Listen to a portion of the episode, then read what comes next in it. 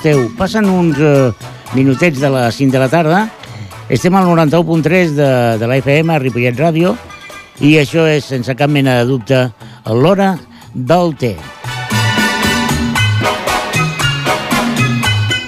I avui tenim un programa carregat de contingut i carregat de- d'emocions diferents i, i carregat d'energia. Eh, abans de res, saludar el servei tècnic del Jordi Puy. Jordi, bona tarda. Què tal, com estàs? Saludar també a la Mari. Mari, bona tarda. Hola, buenas tardes. Encantada de saludaros yo también a vosotros. Eh, parlarem una mica més tard amb tu. Primer escoltarem a un, a un, a un tio molt passat. Escolta, molt passat. Molt passat. No hi ha manera de... És, és, ni amb aigua calenta, eh? Estem parlant del, del Xavi Casas. Qui és el Xavi Casas? Home, tothom que escolta regularment Ripollet Ràdio sap qui és el Xavi Casas. I el Xavi Casas té eh, coses importants a dintre. I per això li hem fet una petita entrevista. Doncs, si us sembla, abans de parlar amb la Mari, escoltarem aquest petit fragment que li hem fet al Xavi Casas. Hola, sóc Mercè Montalà, sóc actriu i estic molt agraïda a Xavi Casas per donar-me l'oportunitat de poder convidar-vos a que participeu amb la vostra presència en el cinquè certamen Fem Monòlegs, que com ja heu de saber es celebrarà el dia 8 de febrer en el Teatre Ateneu de Cerdanyola del Vallès en el carrer Indústria 3840 a partir de les 7 de la tarda. El preu de l'entrada és de 10 euros. El sopar amb els monologuistes és de 15 euros, tres dels quals es destinaran a la Fundació. Us espero. Us estimo molt, i si aneu, us estimaré molt més. I si no aneu, també us estimaré.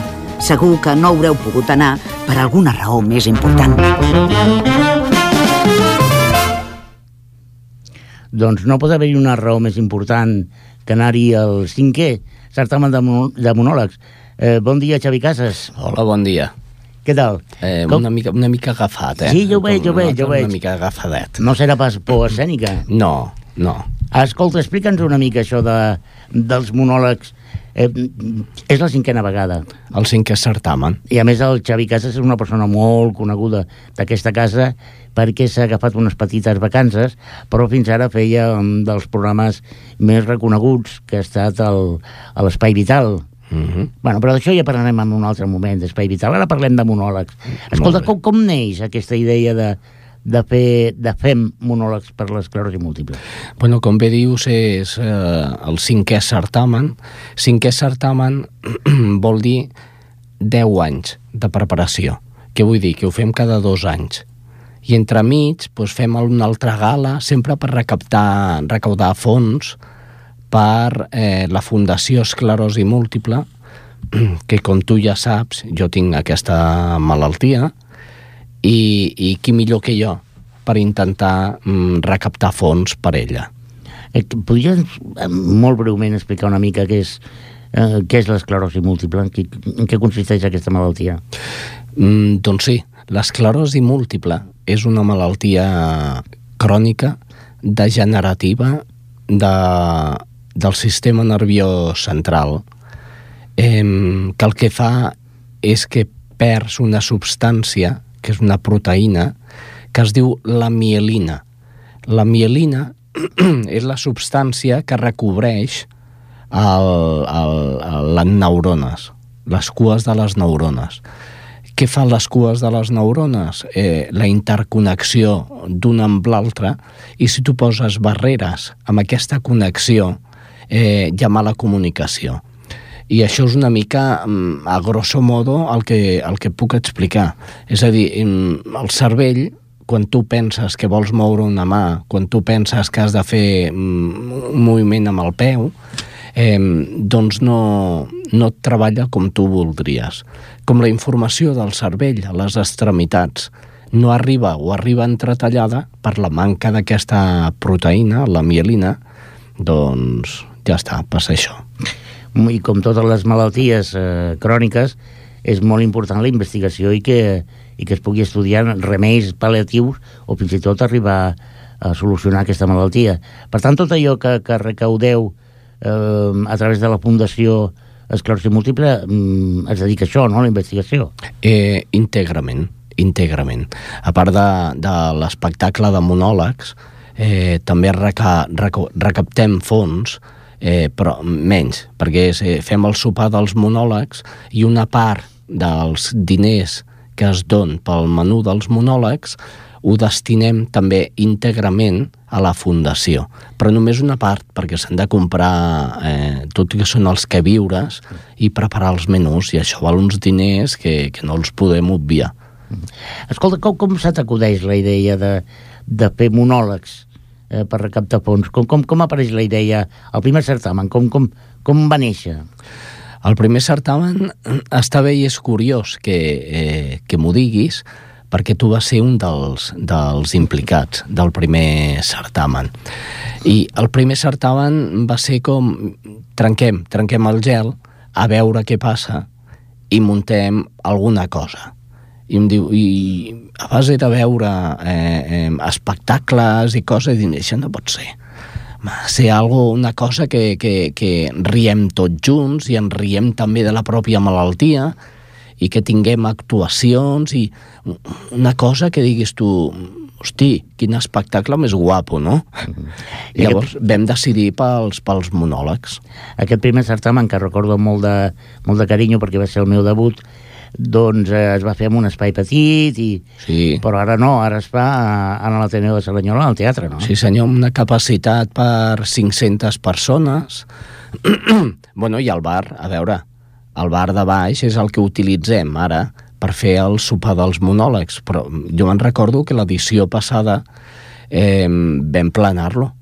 Eh, eh, em van dir que un, unes 100 i pico de persones, uh -huh. que no està malament. 500 a dalt i 100 a baix són 600, no? Uh -huh. Vull dir, va ser un èxit rotund. Uh -huh. Molt bé, i arribem al cinquè certamen, certamen que es fa cada dos anys, i això em sembla una molt bona idea per no cremar el públic, Mm -hmm. I, I bé, aquest cinquè certamen, eh, eh, com, com deies tu, eh, té, té dos parts molt diferenciades. Un que seria l'espectacle de monòlegs, sí. que es fa al teatre, mm -hmm. i un altre és el sopar. Parlem de l'espectacle. Quin dia és el, aquest espectacle? L'espectacle, el mateix dia que el sopar. Va, mira, això està bé. El dia 8, eh? el dia 8 de febrer, a les 7 de la tarda. Això que us quedi clar mm, que és el a les 8 7. a les 7, no el 7 a les 8, eh? No, no, el, el 8 a les 7. Que és dissabte. Que 8 i 7 són 15. Ho dic per si no... També és veritat, sí, de manera. Bueno, I, sí. I és, en, és un dissabte... És un dissabte. I, i bé, mm, el preu de l'entrada de l'espectacle de monòlegs, quan és? 10 euros. 10 euros que, com has dit, va íntegrament a la Fundació. Íntegrament. Molt bé. I on podem comprar aquestes entrades? Aquestes entrades les podeu comprar a l'Ateneu de Cerdanyola, que està al carrer Indústria 3840, bueno, ja el coneixeu, els que sou de per aquí ja, ja ho sabeu. Pels que veniu de fora, doncs carrer Indústria 3840. Mm -hmm. A l'Ateneu de Cerdanyola, que té un teatre extraordinari. Bueno, com... gran. Bueno, Deixem un gran. Bueno, diguem un bon teatre, un gran teatre. Uh -huh. I, i, bueno, i què, què, què veurà la gent que, que vingui en aquest cinquè certamen? Doncs me gusta que me hagas esta pregunta, Alberto. doncs veurà, mm, no ho sé, 8, 9, 10 monologuistes ens hem passat aquest any. Caram. Uns 9 o 10 monologuistes sobre l'escenari, mm, més el, els afegits als monologuistes, que em sembla que tu tens algun afegit que està per allà al mig, eh, i, i veurem a gent que eh, ja l'hem vist en algun certamen i d'altres que són absolutament nous i que no els hem vist mai al certamen fent monòlegs. Uh -huh. eh, a veure, teníem el Dani Pérez, aquest any ja no el tenim, l'hem jubilat. Oh, l'hem jubilat. Fet aquí una abraçada, Dani. però, però, però tenim altres monologuistes que cal, cal, cal anomenar. Per exemple, el Joaquín Blanco és aquell noi jove que sempre m'ha acompanyat des del primer certamen de monòlegs que portem doncs, tota aquest, aquesta ristra d'anys i el tio mm, està amb ganes i, i riem molt i em diu que, que ell sí, que vol col·laborar, que, que, que ell vol ser tramoya. Digo, no, no puedes ser tramoya porque tenemos un tramoya y tú no puedes ser tramoya porque el tramoya me a mí y tú no sabes ayudarme. Jo penso que el, el personatge del tramoya heu de venir el dia 8 a les 7 per conèixer-lo perquè és un personatge extraordinari, és, és molt interessant de veure. Ja us ho dic jo que sí. Qui més, qui més vindrà? Qui més vindrà? Home, i tant. Eh, a veure, tenim el Carles Bori. Aquest és un personatge molt peculiar. Eh? és, és català eh, i el monòleg és una espècie de mig monòleg. Bueno, no descobriré. No, no ho diguis. No descobriré perquè si no, no, no anem bé. El Jesús Galán, que aquí a Ripollet ja, ja l'heu tingut diversos cops, eh, amb els eh, Apadir, els monòlegs de l'Apadir. Tenim també a Mireia Coves, és una noia jove de l'aula de teatre de l'Ateneu, és una jove promesa eh, que val la pena que la veieu. A part, és una noia molt maca. Mm? eh, i qui més, qui més et puc dir? Eh, teníem el Ra Raül Llopart, però Raül Llopart eh, ha tingut un problema per poder venir a, al Fem Monòlegs, eh, més que res que la companyia no el deixava venir perquè estan de gira. I com estan de gira no poden venir, venir ara ràpid des de la quinta forquilla cap aquí, cap a Cerdanyola, i després tornar a agafar l'avió cap allà.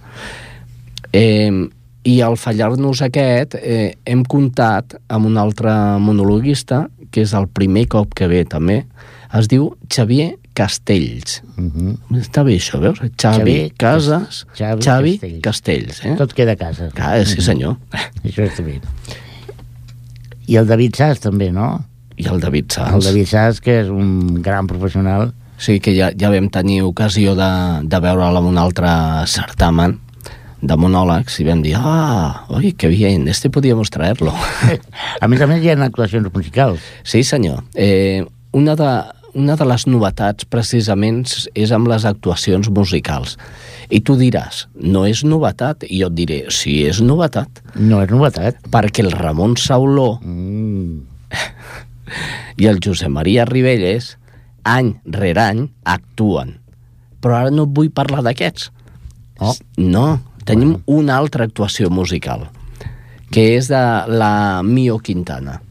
Mio Quintana són dos, dos personatges molt peculiars que, que canten música bueno, que ja ho veureu. Que no, no haig de, perquè explicar-vos molt més d'aquests, perquè ja els veureu. I després la gran estrella de l'espectacle, la teva estrena eh, no oficial, però sí a casa teva, Sí. a Cerdanyola, Sí. per primer cop en el certamen de Fem Monòlegs, tindrem la possibilitat d'escoltar un monòleg teu extraordinari. Uh -huh. Sí? Sí, senyor. Molt de nervis o què? Molt, molt de nervis. Eh, això, normalment els, els artistes, quan ens referim a, per donar bona sort, que vagi tot molt bé, sempre diem que tinguis molta merda. bueno, jo ho deixo aquí, la gent que vingui ja entendrà per què. Sí, jo crec que s'hauria s'hauria d'anar. Bueno, i tot això, i, i segurament moltes sorpreses, i jo penso que ja és una, un còctel prou interessant com per omplir el teatre el dia 8 a les 7 8 de febrer a les 7 de la tarda Sí. a, a l'Ateneu de Cerdanyola. Però si aquells que encara teniu més ganes de compartir, de xerrar i de veure un altre espectacle extraordinari durant el sopar, Mhm. eh, un sopar que es fa en el mateix Ateneo, en el bar de l'Ateneo, Sí. i que... Quin preu té aquest sopar? Aquests sopars són 15 euros. 15 euros? Tres, tres dels quals van destinats a la fundació. Però no és pas un sopar seriós i formal, No, sinó que hi ha també no, no. merder. Ja, ja gresca, I ja, qui- qui- ja xerinola, com diuen alguns. Xirinola. Qui s'encarrega de la xirinola? Doncs mira, repetim aquest any, perquè ens va agradar molt, amb un dels personatges que ja vam tenir al sopar dels monòlegs. Ella és la Vanesita, la del tigre. Vanesita, la del tigre. I atenció perquè mm, porta les ungles molt afilades. Puc donar fe de que és veritat, eh? I que us ho passareu molt bé, molt bé. Molt bé, doncs, eh, Xavi, no sé, vols afegir alguna cosa, convidar la gent, animar que vingui... Jo penso que no hi ha excusa per no anar-hi. Mm, penso igual que tu, Albert. Jo crec que no hi ha excusa. Nosaltres, de fet, anirem, no? I tant. Nosaltres anirem. I, I vosaltres, per favor, si voleu fer una, una bona obra, veniu a veure i a riure. Que el riure és una de les coses que, que ajuda a les persones que pateixen una malaltia. Doncs, eh, escolteu, què millor que per un mòdico preu de 10 euros poder gaudir de més de dues hores d'espectacle amb molt bona gent, amb molt bons professionals, riure i a sobre col·laborar amb una bona causa, penso que no hi ha cap motiu millor per gaudir un dissabte a la tarda de, d'això, d'un bon riure. La gent que pixa abans per això.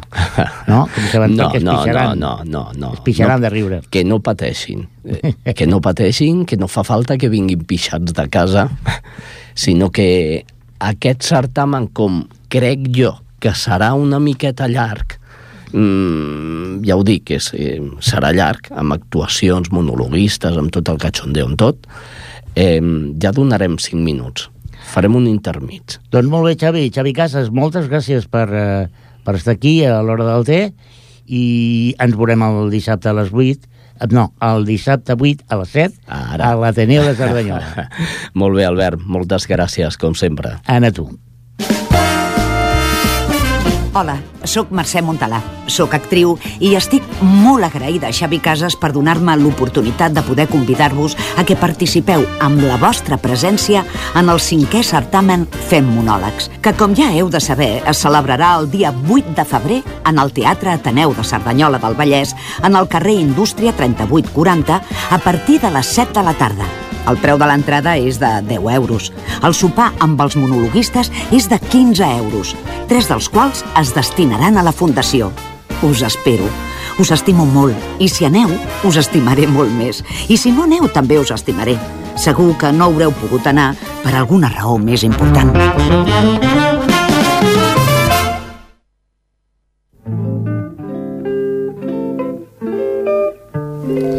Doncs ja ho sabeu, el dissabte, dia 8 de febrer, a les 7 de la tarda, al, a l'Ateneu de Cerdanyola, el cinquè certamen de fer monòlegs, organitzat per al Xavi Casas. Ai, Xavi, saps que ens, ens, pas, ens passa anat de boli perquè tenim els caps de setmana plens d'activitat. Bueno, y, y quiero volver a saludar a, a Mari. Mari, buenas tardes. Hola, buenas tardes, otra vez aquí estoy Aquí esperando. buenas está, tardes. está impaciente por entrar. No, que va, estoy muy a gusto, estoy muy a gusto, Me gracias. alegro, me agrada. Bueno, en, en, eh, en la hora del té eh, tenemos la primera pregunta, siempre es la misma. ¿Vale? Y es si té o café. A ver, a mí el café, ¿Café? sí. Solo, fuerte. A ver, intermedio. Intermedio. Dejémoslo ahí, dejémoslo ahí. Muy bien. Vamos a ver, Mari es eh, representante, coordinadora, bueno, en fin, eh, es complicado en una entidad como a la que ella pertenece hablar de cargos, ¿no? Porque es una entidad absolutamente de voluntarios, ¿no? Es un voluntariado anónimo y bueno, mm, y servicios. O sea, nosotros solo hacemos servicios anónimos y es un voluntariado y nada más. Mari pertenece a una entidad muy vinculada con Alcohólicos Anónimos, que está seguro que os suena más, una entidad que se llama Al-Anon, mm, y que ahora ella nos explicará en qué consiste, qué es lo que hacen y demás. Eh, nos ponemos un poquito serios porque el alcoholismo, por desgracia, es una enfermedad endémica en nuestro país, ¿no?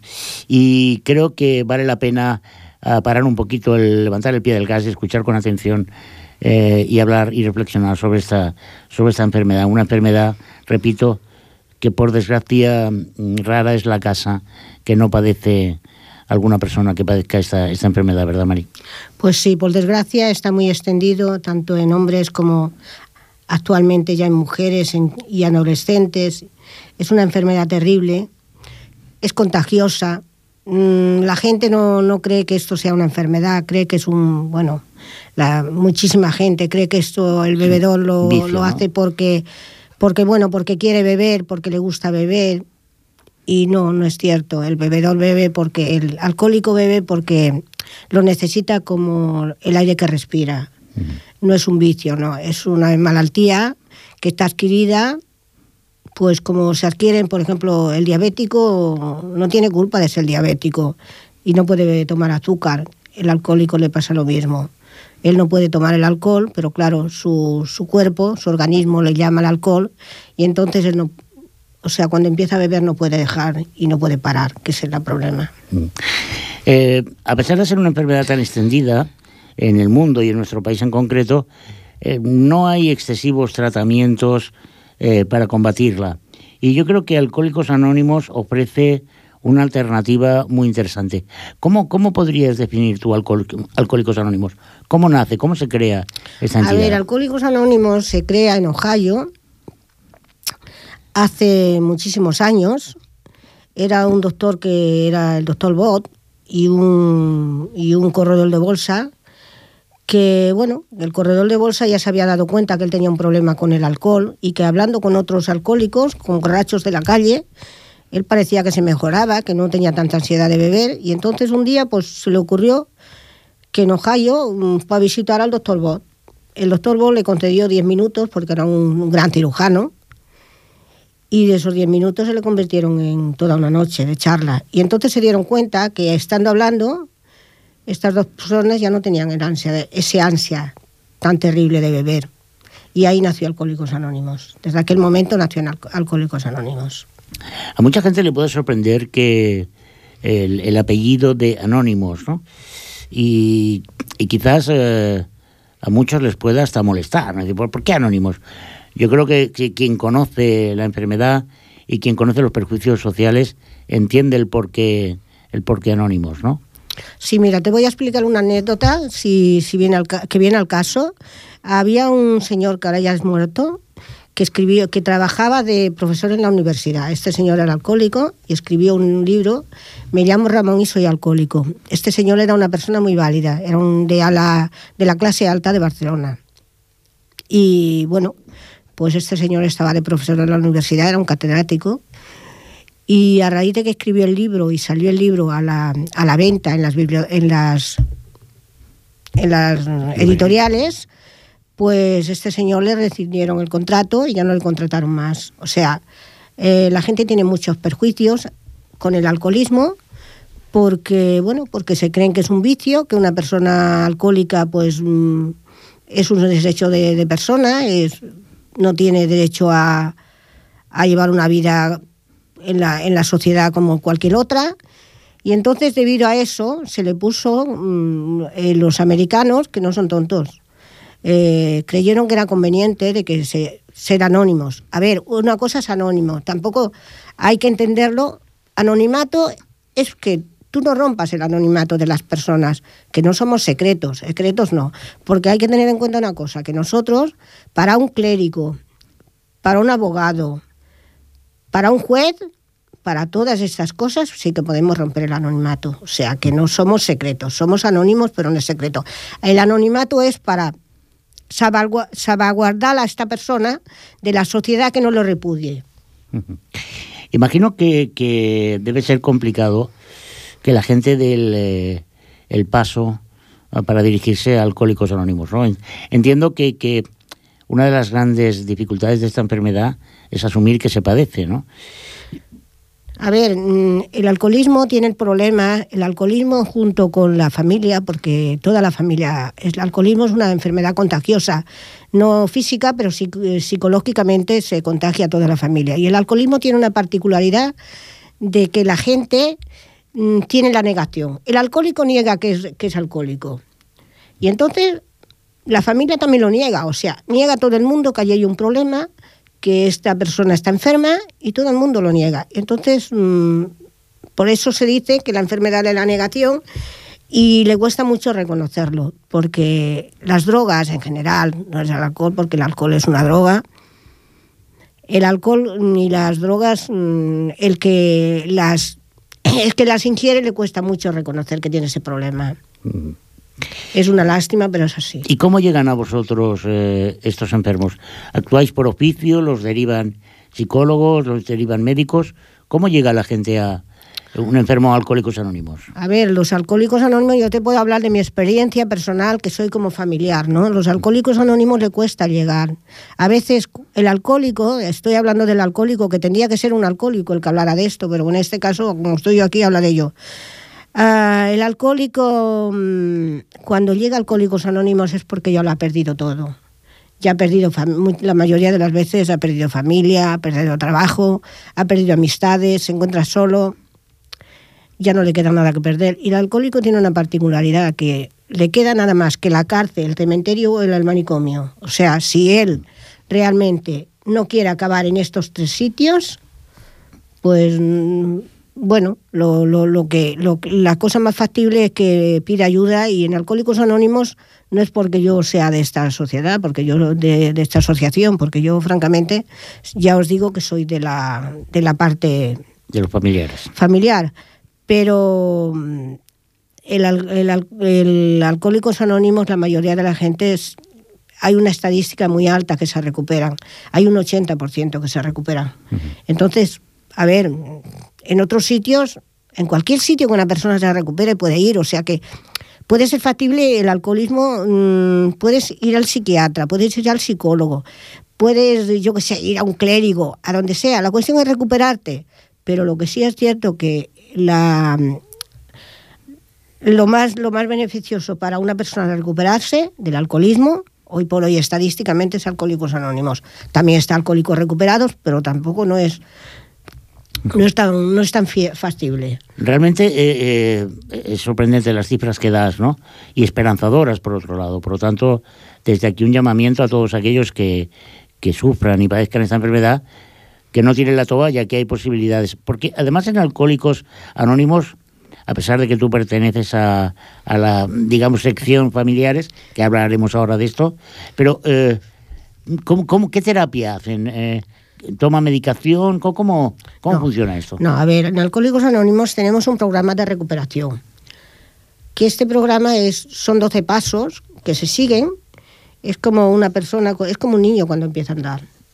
Vas andando pasito a pasito y vas aprendiendo una forma de vida que esa, que esa forma de vida es de por vida. Eh, ellos tienen sus 24 horas. Ellos se levantan por la mañana, según me han explicado, porque yo ya os digo, ya no soy alcohólica, y dicen, hoy no beberé, pero solo son estas 24 horas, porque si se pensaran que tendrían que llevar esto el resto de su vida, posiblemente no lo harían. Pero ellos solo se dan 24 horas, y esas 24 horas se convierten en años y años y años y muchas 24 horas. Eso es así, como, es así como Alcohólicos Anónimos recupera su enfermedad. Hay mucha literatura, hay mucha información, luego las terapias, la ayuda que se dan mutuamente los compañeros y las compañeras piensa una cosa, que la fuerza del ser humano es increíble hasta dónde puede llegar. La fuerza, la fe, la esperanza y toda esa energía positiva que se transmite, eso mmm, mueve montañas. Porque estamos hablando de que básicamente son terapias de grupo que también se realizan Esa, periódicamente, ¿no? Exactamente, son las terapias de grupo que bueno que las hay en toda España, o sea que en toda España y en, y en todo el mundo, porque ahora ya se han se han abierto centros en China y bueno, hace unos años que se abrieron en el en la en, en los países del este, en Rusia y todos los países del este y hay muchísimos muchísima gente que está que está que está ya involucrado en este tema porque ya te digo, es un tema que da resultado.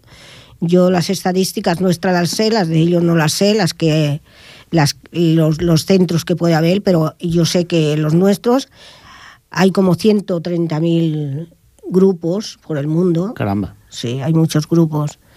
Y están, están transferidos a unos 30 idiomas. Caramba. O sea, es, es una cosa que... Y eso quiere decir que, que bueno, que es...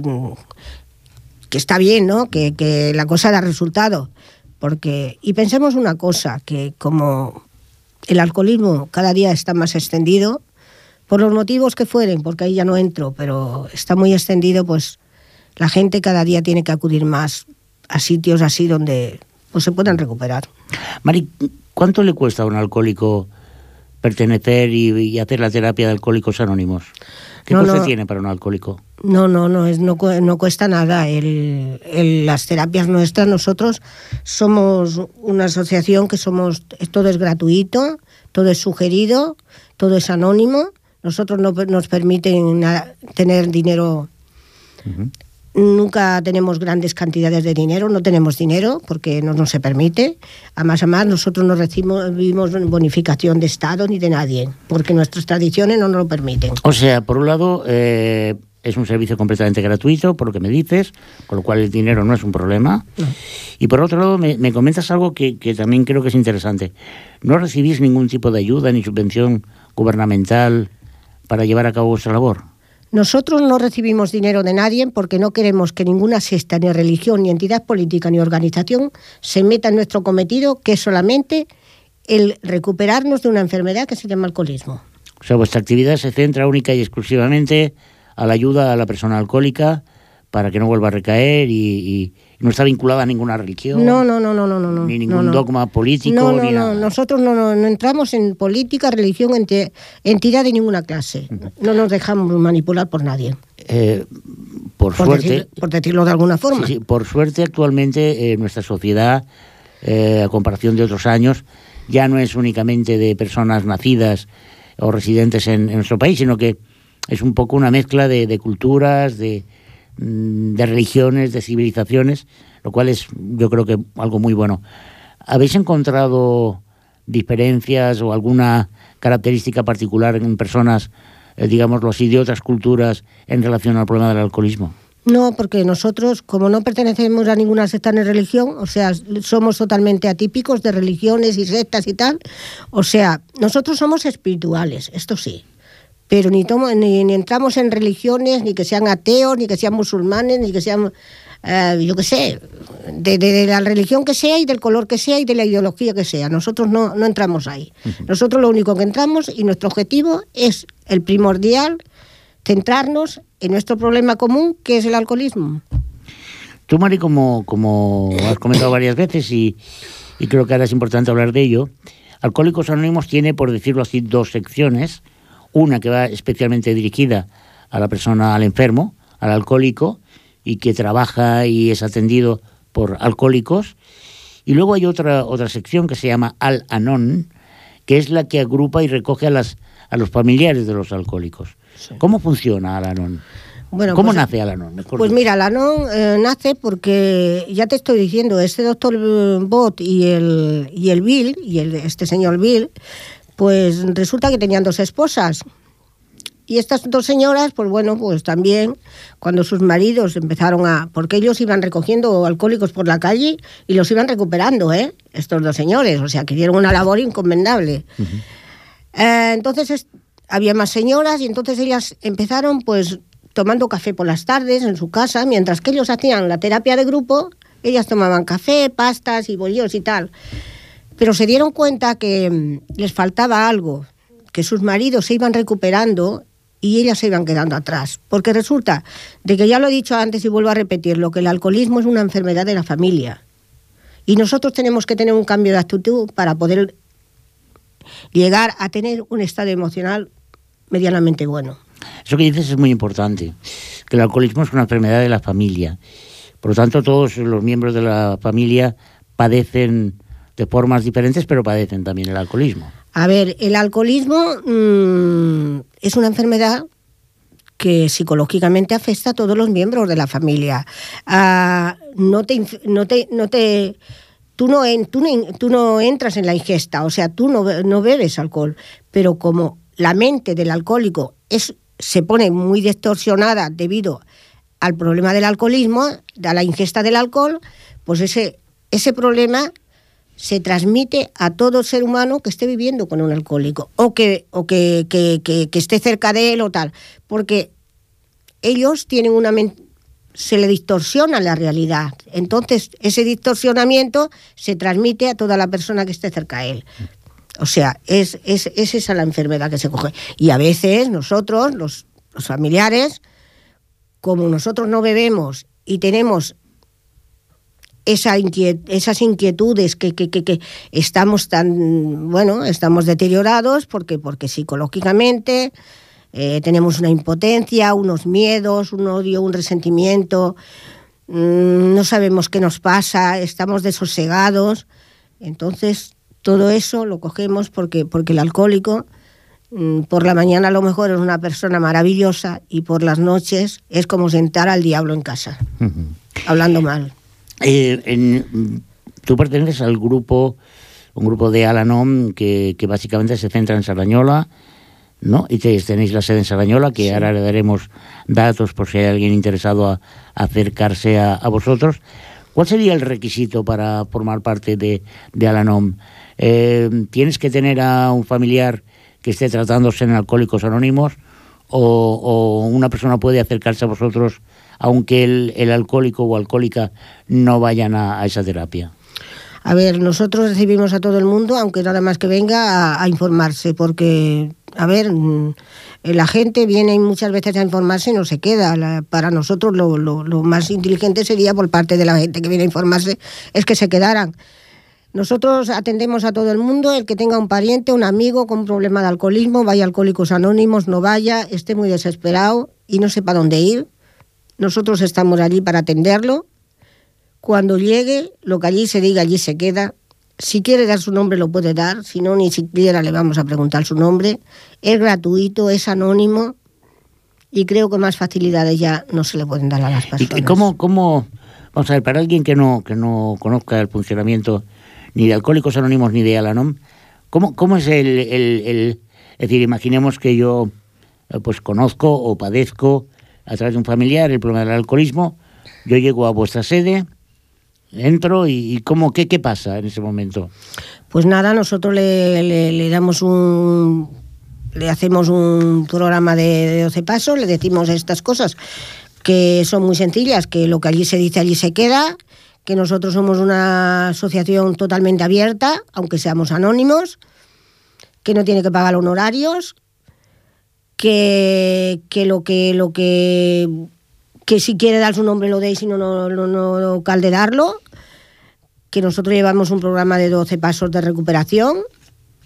Y bueno, y que si quiere unirse a nosotros, pues lo recibiremos con los brazos abiertos.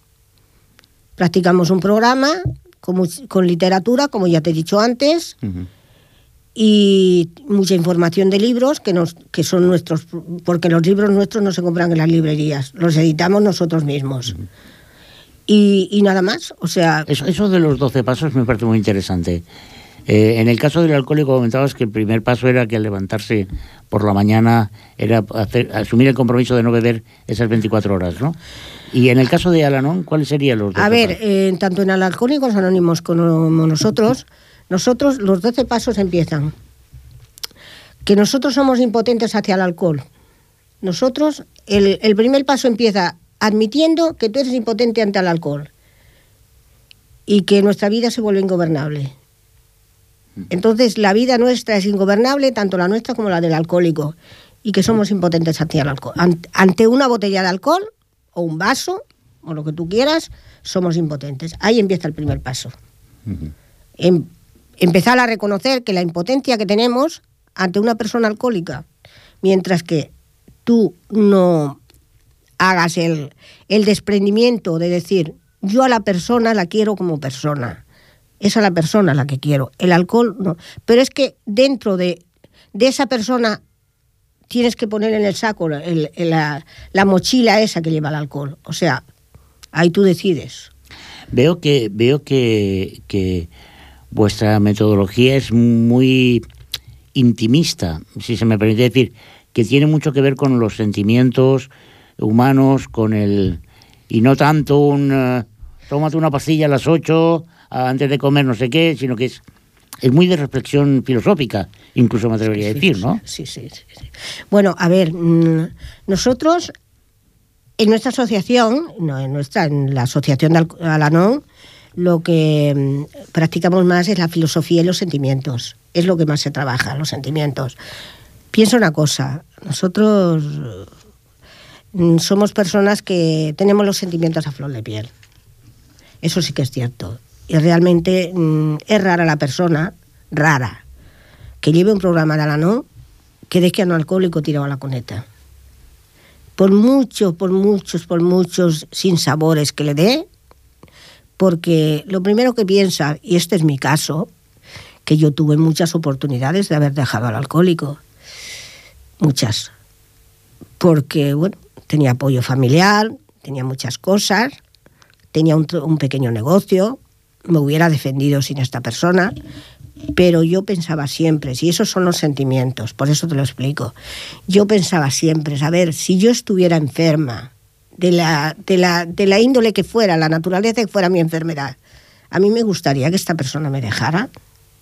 No. Entonces, ahí te pueden malos sentimientos que no la capacidad de reaccionar y cortar por lo sano, ¿no? Por decirlo de alguna forma. Nosotros los, los alanones somos unas personas que... Había una persona que lo decía siempre, es que un clérigo de, de Bilbao, siempre le decía que, nosotros los, los, alanones somos como un poco santos. No santos, pero sí unas personas como muy sacrificadas por el, por el bien común de las personas. Y lo imagino que el hecho de... Porque claro, uno cuando vive normalmente en silencio el problema del alcohol dentro de una unidad familiar, piensa que su problema es único, que su problema es muy particular y que a nadie le pasa lo que le pasa a él, ¿no? Sin embargo, cuando tiene la posibilidad de compartir su problema y de escuchar que gente a la que no conoce de nada está teniendo exactamente los mismos sentimientos que él, pues eso también ayuda a, afrontar este, esta adversidad, ¿no? Ah, es muy bonito el identificarte con las personas y saber que cuando una persona da su testimonio está explicando tu misma historia, aunque no la aunque sea en otro idioma, ¿eh? Lo estás entendiendo, porque explica lo mismo, lo mismo que a ti te ha pasado. Y entonces eso es una transmisión de sentimientos increíble. Por eso te digo que es tanta fuerza la que se da y la que se recibe que yo con palabras no lo podría explicar. Muy bien. ¿Cuántos años lleváis? Porque tengo entendido que dentro de poco es vuestro cumpleaños, ¿no? Sí, ahora hacemos ya 23 años en Sardañola. Sardañola llevamos 23 años. Y en España hace 50 años que ya existe Alanón en España. Y me da la sensación de que lo vais a celebrar eh, sí, de los... alguna manera muy especial, ¿no? Bueno, como cada año hacemos una reunión de puertas abiertas, invitamos a todo el público en general, a todo el mundo que quiera venir. Allí es bien recibido. Habrá unas personas que den su testimonio, que es como una especie de conferencia. No es conferencia leída, sino unas conferencias del corazón. Allí salen sentimientos del corazón y del alma. Allí se desnuda el alma. Y entonces eso es una cosa tan bonita y tan, y tan digna de, de, de escuchar que realmente yo de verdad, de verdad, lo aconsejaría a todo el mundo, que consejos no doy a nadie, solo sugerencias, porque consejos no se dan. Entonces, que la gente acuda y nos escuche, sepa lo que hacemos, cómo trabajamos y lo que luchamos por combatir este problema que se llama alcoholismo. Muy bien, pues vamos a dar datos concretos de esta sesión de puertas abiertas eh, que se va a celebrar, ¿qué, qué día? Se celebra el día 25 a las 19 horas, o sea, a las 7 de la tarde. El 25 en, de enero a las 7 de la tarde. Sí, en Francés Laire 74, en la Asociación de Vecinos de, de Sardañola del Vallés. A ver, eh, ¿qué es donde tenéis la sede? Sí. O sea, tenéis en Francés Lairet, ¿qué número? 74. Francés Lairet 74. El próximo día 25 de enero a las 7 de la tarde Exacto. tendrá lugar un acto de puertas abiertas sí. donde, como tú decías, daréis conferencias y también daréis a conocer vuestro trabajo. Imagino. Sí, o sea, estará un, un, alcohólico que explicará su experiencia, cómo ha entrado en Alcohólicos Anónimos, cómo le ha ido, cómo se ha recuperado. Habrá dos exposiciones de Alanón, que también informarán de cómo entraron a, a Alanón, cómo les ha ido, cómo ha sido su recuperación. Por cierto, una persona es de aquí de Ripollet, una señora, una persona que viene, explica la eh, información. Y luego habrá un hijo adulto, que el problema del alcoholismo no lo he resaltado mucho, pero sí que lo quiero resaltar. Eh, en esta regla de tres, el que más sufre es el hijo, porque el hijo sufre por el padre, sufre por la madre y sufre por él mismo. Nadie sabe lo que un hijo llega a llorar por el problema del alcoholismo en una casa. Para eso había que escucharlos, las experiencias que ellos dan. Eso es lo más bonito que se puede escuchar en la vida. El, alma de esa persona, cómo después de haber sufrido lo que ha sufrido, quiere a sus padres de una forma que, vamos, eso no, no es normal en otras personas. Porque en la persona que no practica estos programas, normalmente hay odio, resentimiento, rencores, impotencia, odio, y, bueno, y en cambio nosotros todo eso lo transmitimos en paz, en seguridad y en dar mucho amor y mucha comprensión. Pues yo creo que si tenéis eh, todo que tengáis algo más importante que hacer, sobre todo si tenéis la desgracia de convivir o padecer esta enfermedad, el alcoholismo, como para no asistir el 25 de enero a las 7 de la tarde en la sede de Alanon, en, en eh, Francesc Lairet 74. Dime, dime. Después de, de todas estas exposiciones tendremos una merienda. Hombre, Que nosotros, imagino que sin alcohol. sí, nosotros, nosotros no ponemos alcohol. Habrá Coca-Cola, habrá refrescos, habrá pastel y todo. O sea, mm, todo muy bonito, pero, pero alcohol no. Nosotros Evidente. el alcohol lo tenemos descartado, por supuesto, porque bueno, porque nosotros pensamos que el alcohol es muy perjudicial para las personas que, que van allí. Mari, mm, antes de despedirme y de eh, una- un tema que, es, que yo creo que es importante. Eh, el alcoholismo es una enfermedad eh, crónica y que a pesar de que no se beba, se sigue siendo alcohólico. A ver.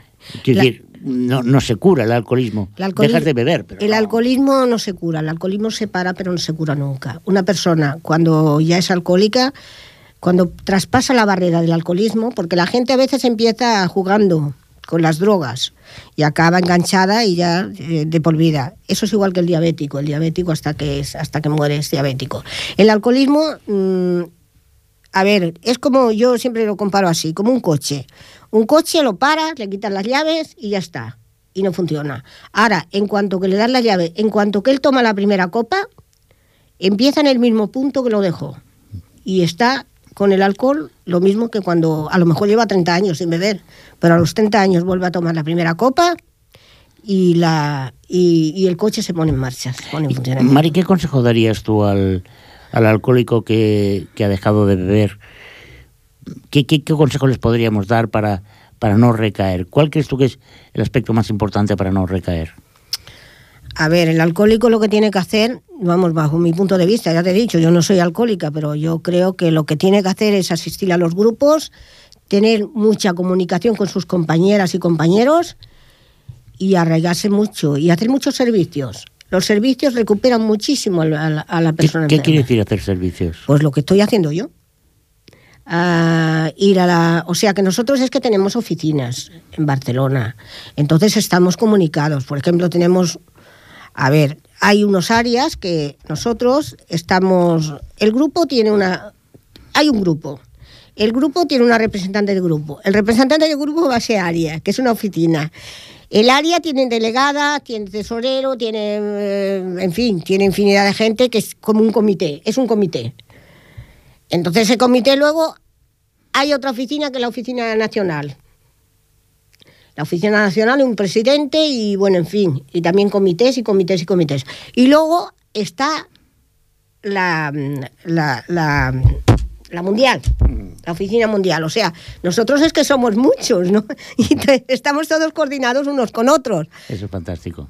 Y entonces lo que tiene que hacer una persona que quiere recuperarse, una vez sabe y está un poco empapada de lo que es Alanón o, o Alcohólicos Anónimos, es hacer servicios. En los servicios se recupera mucho la gente. Mari, por último, ¿a qué teléfono podemos llamar si tenemos una, un caso y, y queremos dar el primer paso? Mm, Bueno, mm, el teléfono de, de la oficina de, de Barcelona, que es el 93 310 39 53. El 93 310 39 39 53. 53. Y luego, si quieren llamar aquí mm, localmente, pues pueden llamarme a mí al 93 691 6859. Bueno, pues ya lo, ya lo saben. Eh, yo creo que ha sido una entrevista mm, eh, demasiado densa. Podríamos haber estado hablando años y años eh, sobre este tema, porque es un problema que, como decía, es endémico. Pero en cualquier caso, eh, Mari, desde aquí un, un agradecimiento profundo, porque el trabajo que hacéis es eh, inconmensurable y animarte a continuar en, este trabajo y ofrecerte esta humilde casa para todo aquello que creáis eh, que podemos ser de utilidad. Para mí os doy las gracias de corazón por darme esta oportunidad de expresarme y de, compartir con vosotros. Y bueno, para mí es un honor estar aquí y, yo pienso seguir y, no lo dejaré nunca porque para mí el, ayudarme a mí misma y ayudar a los demás es mi vida. No se puede decir de una manera más bonita. Estáis eh, escoltant de fons eh, un bolero. Eh, si tu me dices ben. És una petició de la nostra convidada. Eh, jo crec que, que ha quedat suficientment explicat i dit allò que, que envolta el món de l'alcoholisme. Un problema molt greu, una malaltia de família. No dubteu en donar aquest pas si teniu el problema perquè trobareu confort, ajuda, recolzament i solucions a un problema que a vegades és massa gran. Per la meva part, res més. Acomiadar-me, donar una altra vegada les gràcies al tècnic Jordi Puig. Aquest no veu, eh? ja t'hi dic jo que s'abstemi. bueno, com a mínim treballant i és, és una bona persona. Eh? Que és lleig, però és bona persona. Des d'aquí un, un petonarro, Jordi. Mari, moltes gràcies. A vosaltres eh, recordar que a ripolletradio.cat podeu escoltar aquest programa les vegades que vulgueu i que diumenge de 5 a 6 es torna a repetir. Res més, es tornem a veure a casa vostra. Gràcies a vosaltres. Aquí, a l'hora del té. Perdida, sin rumbo y en el nodo, si tú me dices ve, lo dejo todo.